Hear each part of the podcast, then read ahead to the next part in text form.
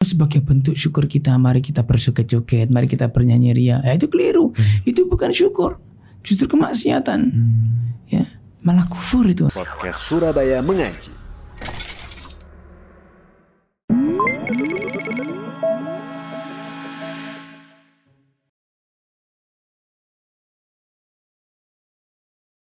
Bismillahirrahmanirrahim. Assalamualaikum warahmatullahi wabarakatuh.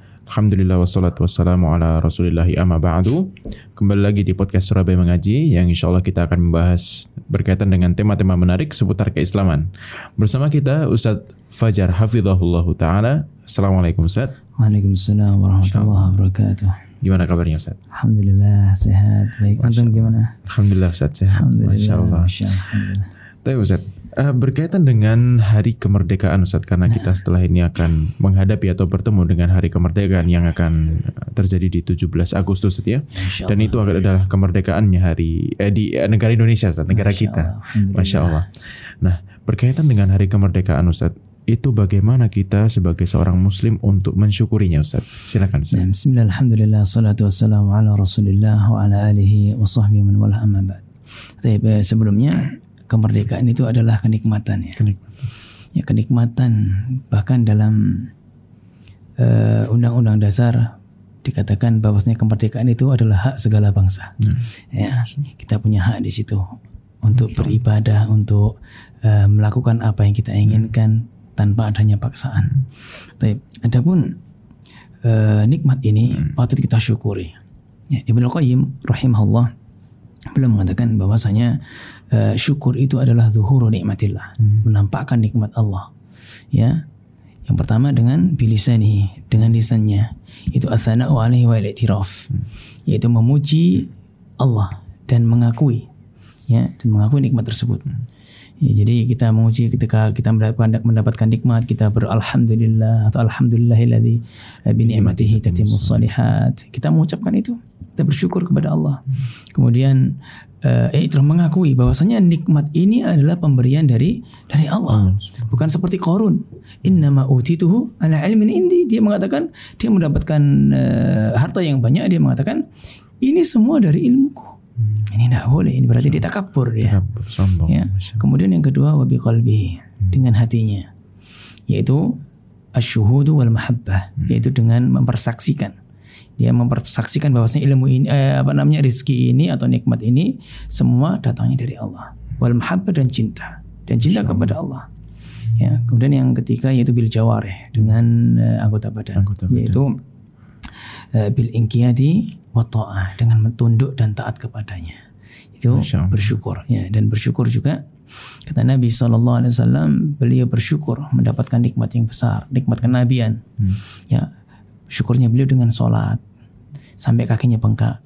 Ini deh. Ditanya ya Rasulullah dosamu diampuni yang telah lalu dan yang akan datang. Ya, kenapa engkau masih melakukan seperti ini? Apa jawab Nabi? Afala akuna abdan syakura. Apa aku nggak boleh menjadi hamba yang bersyukur? Ya juga sama Eh, Nabi Dawud Nabi Sulaiman diperintahkan kita tahu bahwasanya Nabi Dawud Nabi Sulaiman adalah raja yang memiliki kenikmatan yang banyak kenabian nikmat dunia ya angin aja diperintah bisa ngikut kan itu. Bisa bicara dengan hewan ya besi dilunakkan oleh oleh untuk Nabi Dawud kan gitu. Yang tadi untuk Nabi Sulaiman. Apakah apa kata Allah? I'malu ala Dawud syukra. Ya beramallah. Wahai keluarga Daud sebagai bentuk syukur, wa qalilum min ibadiyas syakur. Dan sungguh sangat sedikit dari hambaku yang bersyukur. Ini masya Allah Allah mengatakan i'malu ala Daud Ya, nah.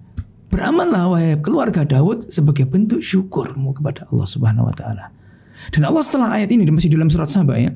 eh, dua ayat berikutnya Allah mengisahkan tentang kaum Saba. Yang mana Allah katakan di situ ada tanda kebesaran Allah, ya. Kanan kirinya ada kebun-kebun yang berbuah yang masya Allah.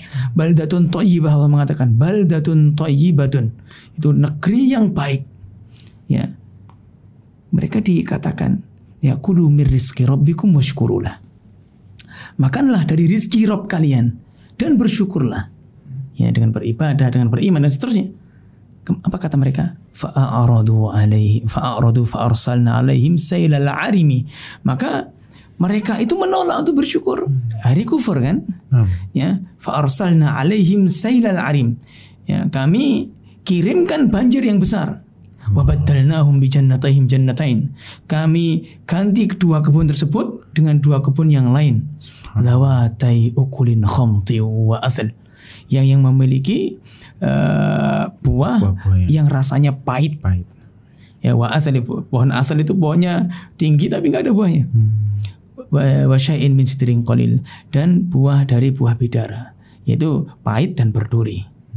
Ya ada buah yang pahit, ada buah ada pohon yang berduri. Berduri. Nggak seperti sebelumnya. Dikatakan baldatun thayyibah.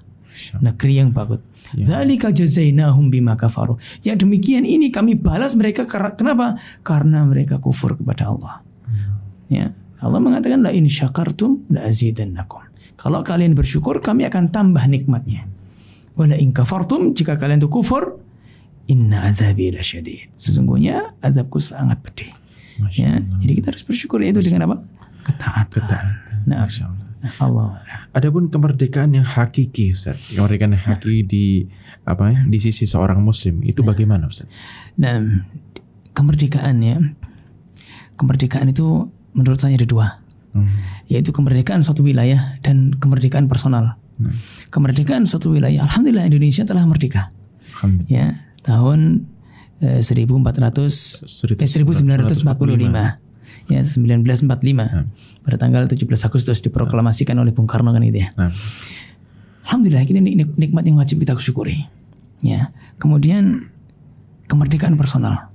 Ya, kata Syekh Saleh Utsaimin rahimahullah, Muhammad bin Saleh Utsaimin rahimahullah beliau mengatakan eh, al-ubudiyatu hiya haqiqatul eh, haqiqatul hurriyah. Yaitu penghambaan diri kepada Allah dengan sebenar-benarnya, dengan mentauhidkannya, itulah hakikatnya kemerdekaan. Jadi orang yang masih berbuat kesyirikan, ya hidupnya nggak tenang. Hidupnya nggak tenang. Allah mengatakan, "Alladzina amanu wa lam yalbisu wa lam yalbisu imanahum bizulmin, faulaika lahumul amnu wa hum muhtadun." Ya, orang-orang yang beriman dan tidak mencampur adukkan antara keimanan dengan kesyirikan. Dengan kezaliman ya, zalim di sini adalah kesyirikan. Mereka itulah orang-orang yang mendapatkan keamanan. Ya, wahum muhtadun dan mereka mendapatkan petunjuk. Ya, aman di akhirat dan di dunia juga mendapatkan petunjuk di, di dunia. Di dunia. Nah, ini Allah mengatakan orang yang beriman dan tidak mencampur adukan antara keimanan dengan kesyirikan. Berarti kalau mencampur adukan, dia mendap- tidak mendapatkan aman Keamanan. dan tidak mendapatkan petunjuk. Petunjuk. Nah, coba kita lihat.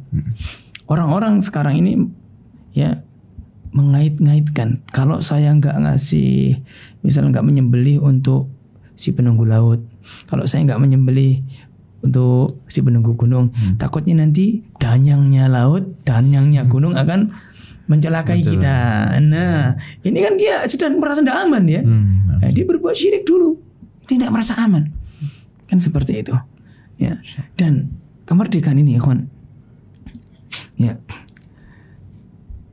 Tatkala kita itu bisa beribadah mentauhidkan Allah, ya, maka eh, apa namanya? Kita akan mendapatkan yang namanya kemerdekaan yang hakiki itu. Ya, bagaimana tidak? Ya, tatkala kita pulang, ya nanti semua orang akan mati. Ya, tatkala kita akan pulang dan kita tidak membawa dosa syirik ya. Jadi kita menjadi orang yang bertauhid. Ya, maka Allah akan masukkan kita ke dalam surga. Itu yang kita harapkan dan Allah akan jaga kita dari api neraka. Itu yang kita harapkan. Nah, Allahu a'lam. Masya Allah.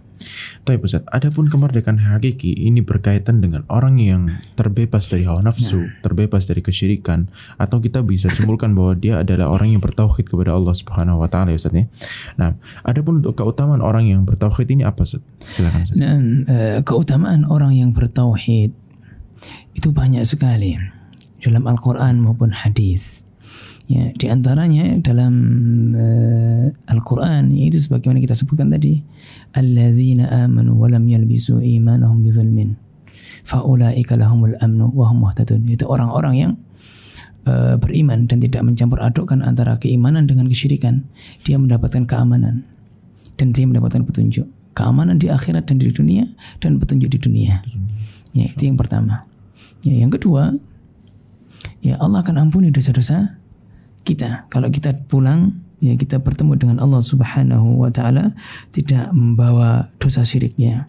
Allah mengatakan eh, dalam hadis kutsinya Allah berfirman, "Ya bani Adam, wahai anak Adam, law ataitani bi qurabil ardi khataya thumma laqitani la tusyriku bi syai'an la ataituka bi qurabihal maghfirah."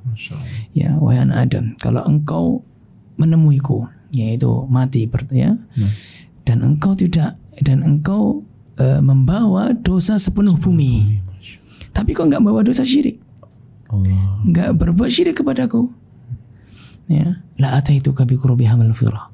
Aku akan datangi kamu dengan ampunan sebesar bumi pula. Ini orang yang bertauhid. Ya inilah ya yang tadi kata kita katakan tadi bahwasanya kemerdekaan yang hakiki. Ya kita membawa dosa. Di, ketika di dunia tapi kita nggak bawa dosa syirik. Kemudian dosa-dosa kita diampuni. Bukankah itu adalah kemerdekaan? Ini itu. Allah mengatakan ya di dalam eh, Al-Qur'an eh, yang berkaitan dengan eh, apa namanya orang-orang yang berbuat syirik ya Allah hapus semua amalnya ya seperti orang bekerja bekerja bekerja tapi nggak dikasih upah bukankah itu juga penjajahan Laras Nah, ini tuh orang bekerja terus tapi nggak dikasih upah itu penjajahan penjajahan. Say. tapi kalau orang ya ya misalkan tidak bekerja atau bekerja tapi dia mendapatkan upahnya berarti dia memang itu haknya dia Makanya. Nah, dan Nabi Shallallahu Alaihi Wasallam dan seluruh para nabi pernah diancam oleh Allah mas. Allah mengatakan, "Walaqad uhiya ilaika wa ilal ladzina min qablika la in asyrakta la yahbatanna 'amaluk." Dan sungguh telah diwahyukan kepadamu Muhammad dan kepada umat eh, dan kepada nabi-nabi sebelummu. Apa wahyunya? La in asyrakta jika kamu berbuat syirik la yahbatanna 'amaluk. Sungguh seluruh amalmu dihapus. Bukankah ini penjajahan? Jajan. Kan itu. Makanya orang yang eh, terbebas dari kesyirikan, maka itulah orang-orang yang merdeka. Kalau dia masih berbuat syirik, gimana dia beribadah nggak dapat pahala? Seperti orang bekerja kerja rodi nggak dapat pahala kan seperti itu. Nah, jadi benar kata Syekh Utsaimin tadi. Ya, hakikat dari eh, kemerdekaan, itu apa? Adalah Ubudiyah. ubudiyah. Ubudiyah. Ya, nah. Masya Allah. Ya Allah. Tapi Ustaz, ada pun nih eh, realita yang kita lihat Ustaz di hari itu, di hari kemerdekaan itu banyak orang yang melakukan eh, apa ya orkes us- orkes ya, eh, seperti panggung Nyanyi-nyanyi, acara ya nyanyi-nyanyi dan joget-joget ba- sampai ikhtilat. Itu untuk nasihat untuk mereka itu bagaimana? Nah, jika dikatakan mereka itu bersyukur, maka ini keliru. Hmm. Ya, oh, sebagai bentuk syukur kita, mari kita berjoget-joget, mari kita bernyanyi ria. Ya, itu keliru. Itu bukan syukur, justru kemaksiatan. Ya, malah kufur itu. Nauzubillah min dzalik. Ini kufur kecil ya maksudnya. Nah, Nah, kufur nikmat. Allah Subhanahu wa taala berfirman di dalam surat Luqman, "Wa minan nasi may yashtari lahwal hadithi liyudilla an sabilillah bighairi ilmi wala huda." Ya, di antara manusia ada yang memperjualbelikan yaitu lahwal hadis, ucapan yang sia-sia. Ya, untuk menyesatkan manusia dari agama Allah. Ibnu Mas'ud mengatakan lahwal hadis adalah nyanyian. Bersumpah wallahi demi Allah, yang dimaksud lahwal hadis adalah nyanyian. Ya, diiringi musik. Kemudian Nabi Shallallahu alaihi wasallam mengatakan eh, la yakunanna min ummati aqwamun. Nanti akan ada di kalangan umatku suatu kaum yastahilluna al-hira wal harira wal khamra wal ma'azif. Yang mereka itu menghalalkan zina, menghalalkan sutra bagi laki-laki, menghalalkan khamr dan menghalalkan alat, Alat-alat musik. Nah, ini menunjukkan bahwasanya kalau sebelumnya menghalalkan kalau ini menghalalkan alat-alat musik, menghalalkan zina, ini menunjukkan sebelumnya apa? haram. Haram. Kan itu pendalilannya. Mafhum mukhalafahnya kan seperti itu. Ya, berbeda ya dengan apabila kata-katanya itu tidak ada yastahilluna. Ya. Kalau yuharrimuna berarti mengharamkan, berarti sebelumnya Halal. halal. Kalau ini yastahilluna, menghalalkan, berarti sebelumnya haram. Ya. Dan para ulama yang empat itu sepakat hukum musik hukumnya haram. Ulama yang empat ya, bersepakat hukum musik haram dan ulama-ulama sebelumnya ya dan orang yang eh, ulama yang paling keras dalam masalah musik Imam Syafi'i. Beliau sampai mengatakan orang yang mencuri alat musik tidak boleh dihukum. Karena apa? Sejatinya dia sama seperti ya membunuh babi dan sejenisnya. Ya boleh. Imam Asy-Syafi'i rahimahullah. Allah a'lam. Masya Allah. Ya. Jazakumullah khairan Ustaz atas penjelasannya. Semoga bermanfaat bagi rekan-rekan sekalian dan sampai jumpa di episode berikutnya dari podcast Surabaya Mengaji. Assalamualaikum warahmatullahi wabarakatuh.